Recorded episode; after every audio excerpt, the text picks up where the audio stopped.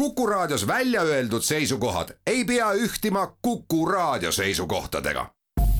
Te kuulate Kuku Raadiot.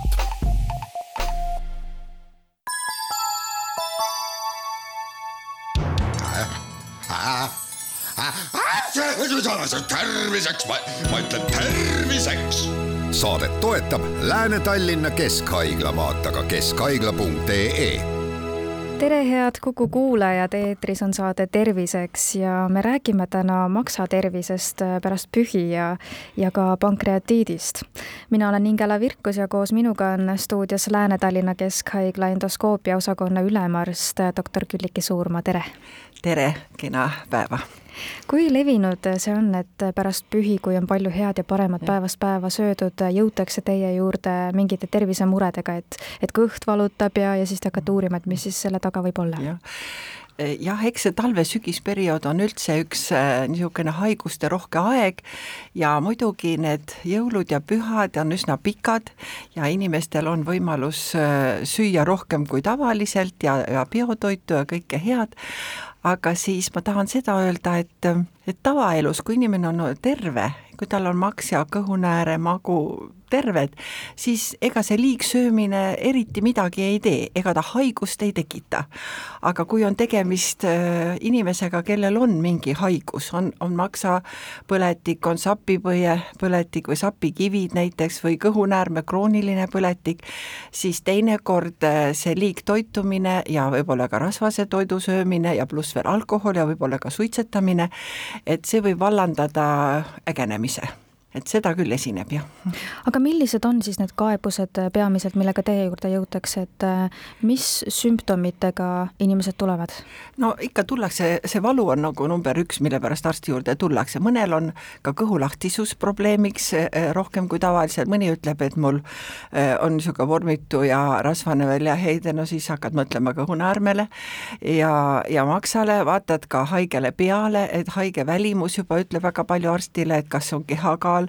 äh, suurem kui tavaliselt ja kas see on nüüd ühekordne selline episood või on olnud sagedamini, et äh, see tänapäeval, see ülekaalulise teema ja maks on üsna äh, noh, aktuaalne, ma ütleksin, üle maailma, et see ülekaalulis hakkab juba ka lastest peale. et see on niisugune krooniline võib-olla vale toitumine ja kehakaala tõud liiga rasvase, liiga magusa, rohke ja, ja et siin tuleb sellele pöörata tähelepanu. ja, ja pankrase puhul ma ütleksin niimoodi, et minule kuidagi ei satu nii väga palju neid pankratiidi haiget, need on rohkem kirurgias, kui on tegemist ägeda pankratiidiga, satub alkoholijoobes, satuvad tihtipeale EMO-sse ja, ja siis diagnoositakse neile ägedat pankratiiti, no siis peab ikka muidugi võrdlemisi palju tarvitama seda alkoholi, et ega seal võib-olla klaas veiniga seda pankratiiti küll nüüd kohe ei tekita see on selge. ja, ja siis, siis ta on EMO käsutuses ja, ja seal tehakse siis juba valuvaigisti, tilk, infusioonravi, nälgimine, see on see ravi, ägeda pankratiidi ravi.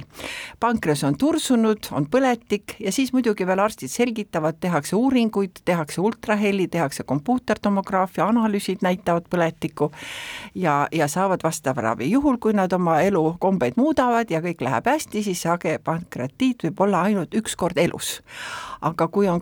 kroonilise pankratiidiga, need haiged rohkem satuvad meie kätte. Või näiteks neil on leitud kõhunäärmes muutused, ultrahelis, analüüsides on muutused, kõhunääre on ju väga oluline elund, ta parandab meie suhkruainevahetust, on sisesekretsioon, on välissekretsioon.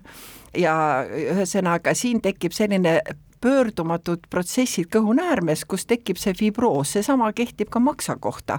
et mis on see põletik üldse, eks ole, et põletik, krooniline põletik tähendab seda, et toimuvad muutused koes ja hakkab vaikselt tekkima sidekude teiste sõnadega. ja oleneb sellest nüüd, mis see faktor on, võib-olla kui nüüd võtame maksa ja pankrase teema ja alkoholi, siis see on ju väga lihtne välja lülitada. Ja meie sellisel juhul võime näha väga häid tulemusi, siiski kui meil muid haigusi ei ole, noh lisaks veel sapikivi või näiteks viiruslik C-viirushepatiit väga levinud või ka B-viirushepatiit maksa puhul, et siis on teinekord see kombinatsioon väga vilets, et kui on inimene liigtarvitanud alkoholi ja liigtarvitamine, see tähendab, et praktiliselt iga päev tarbida alkoholi, ka naiste puhul, siis noh, maailmas on leitud, et need haiged, kes satuvad satuvad haiglasse, hospitaliseeritakse, on umbes kakskümmend protsenti tingitud alkoholist ja üheksa protsenti naistest, kahekümne protsendil juhul on meeste puhul, aga üheksa protsendil naiste puhul. kusjuures naiste alkoholism tekib palju kiiremini veel kui meestel ja väiksemate annustega nii, aga äh, ütlen niimoodi, et see krooniline pankreatiit, kui nüüd lahata neid etioloogiaid peale alkoholi ja siis on muidugi olemas muid haigusi ka, nagu ma mainisin juba, viirushepatiit on olemas, eks ole, mis kahjustab maksa, mis on tänapäeval väga hästi diagnoositav ja ravitav haigus. ja väga oluline on seda välja ravida, sest me teame, et sellega me hoiame ära maksavähi, et see on maksavähi profülaktika teiste sõnadega. siis järgmiseks on, äh, on olemas autoimmuunsed haigused organismis äh, toodetakse nii-öelda maksaraku vastu vastavaid antikehi, mis kahjustavad maksa, autoimmuunsed haigused. siis on ähm, see rasvumise teema, sest diatoos, ta võib olla alkohoolne, võib ka mittealkohoolne olla, mittealkohoolne on siis, kui äh, ühesõnaga inimene ei tarbi alkoholi, aga võib-olla toitumine on vale, kehakaal on suur ja nii edasi, et see siis ikka pikapeale soodustab seda haigust, aga see on sama halb kui alkoholi. seal maksas tekivad rasvarakud, tekib samuti fibroos ja täpselt samuti võib tekkida tsirroos ja isegi vähk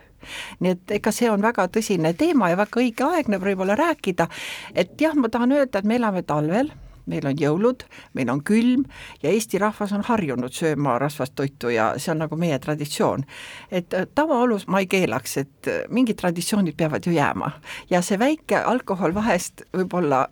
nädalas jood seal klaasi õlut või paar klaasi veini, see sinust ei tee ei alkohoolikut ega mitte midagi halba. aga muidugi see jutt on ikka sellest, et regulaarselt ei või, iga päev ei või alkoholi tarbida. et see on nagu selles mõttes väga oluline meeles pidada, et midagi ei tohi teha liiga palju. et kõik on elus lubatud, aga mõõdukalt ja rasvase toiduga samamoodi siis? rasvase toiduga samamoodi, tähendab, ma alati soovitan haigetele, et kasutage seda mõtet, et, et Vahemere dieet et nii südamehaiguste aspektis, maksahaiguste, pankrease, et seal on õlid ja seal on salatid ja, ja võib-olla need kogused ei ole väga suured ka, et kui ma alati mõtlen seda Pariisi toidulauda ja lähen sööma, siis serveeritakse väikse taldriku peale, ma alati just mõtlesin seda, nad söövad kõike, nad söövad võid, nad söövad joodveini,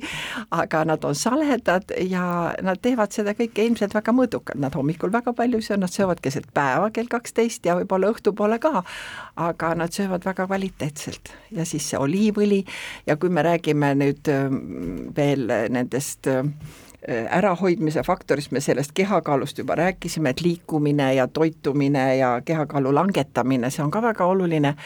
aga samas ka noh, võib-olla nüüd küsitakse, mis me veel ise saame lisaks veel teha, et no D-vitamiin on teaduslikult põhjendatud antioksüdant, et me peame natukene ka toetama siin eriti Põhjamaades, D ja E-vitamiin on maksale väga hea. see on nagu teaduslikult põhjendatud, see eh, nagu seda põletikku pidurdab. ja, ja mida ma tahan öelda, et toit ei, otseselt ei põhjusta haigust. haigust eh, on olemas ja siis, kui me sööme valesti, siis me äh, saame ataki, aga kui me kasutame just neid samu äh, vitamiine ja tervislikku toitumist, siis kui meil see haigus ka juba on olemas, me lükkame seda edasi või ta ei ägene nii sageli, et see on kaks erinevust, et ma tahan seda öelda, et toit ei põhjusta haigust otseselt. Me jätkame oma vestlust juba homme kell neliteist nelikümmend viis.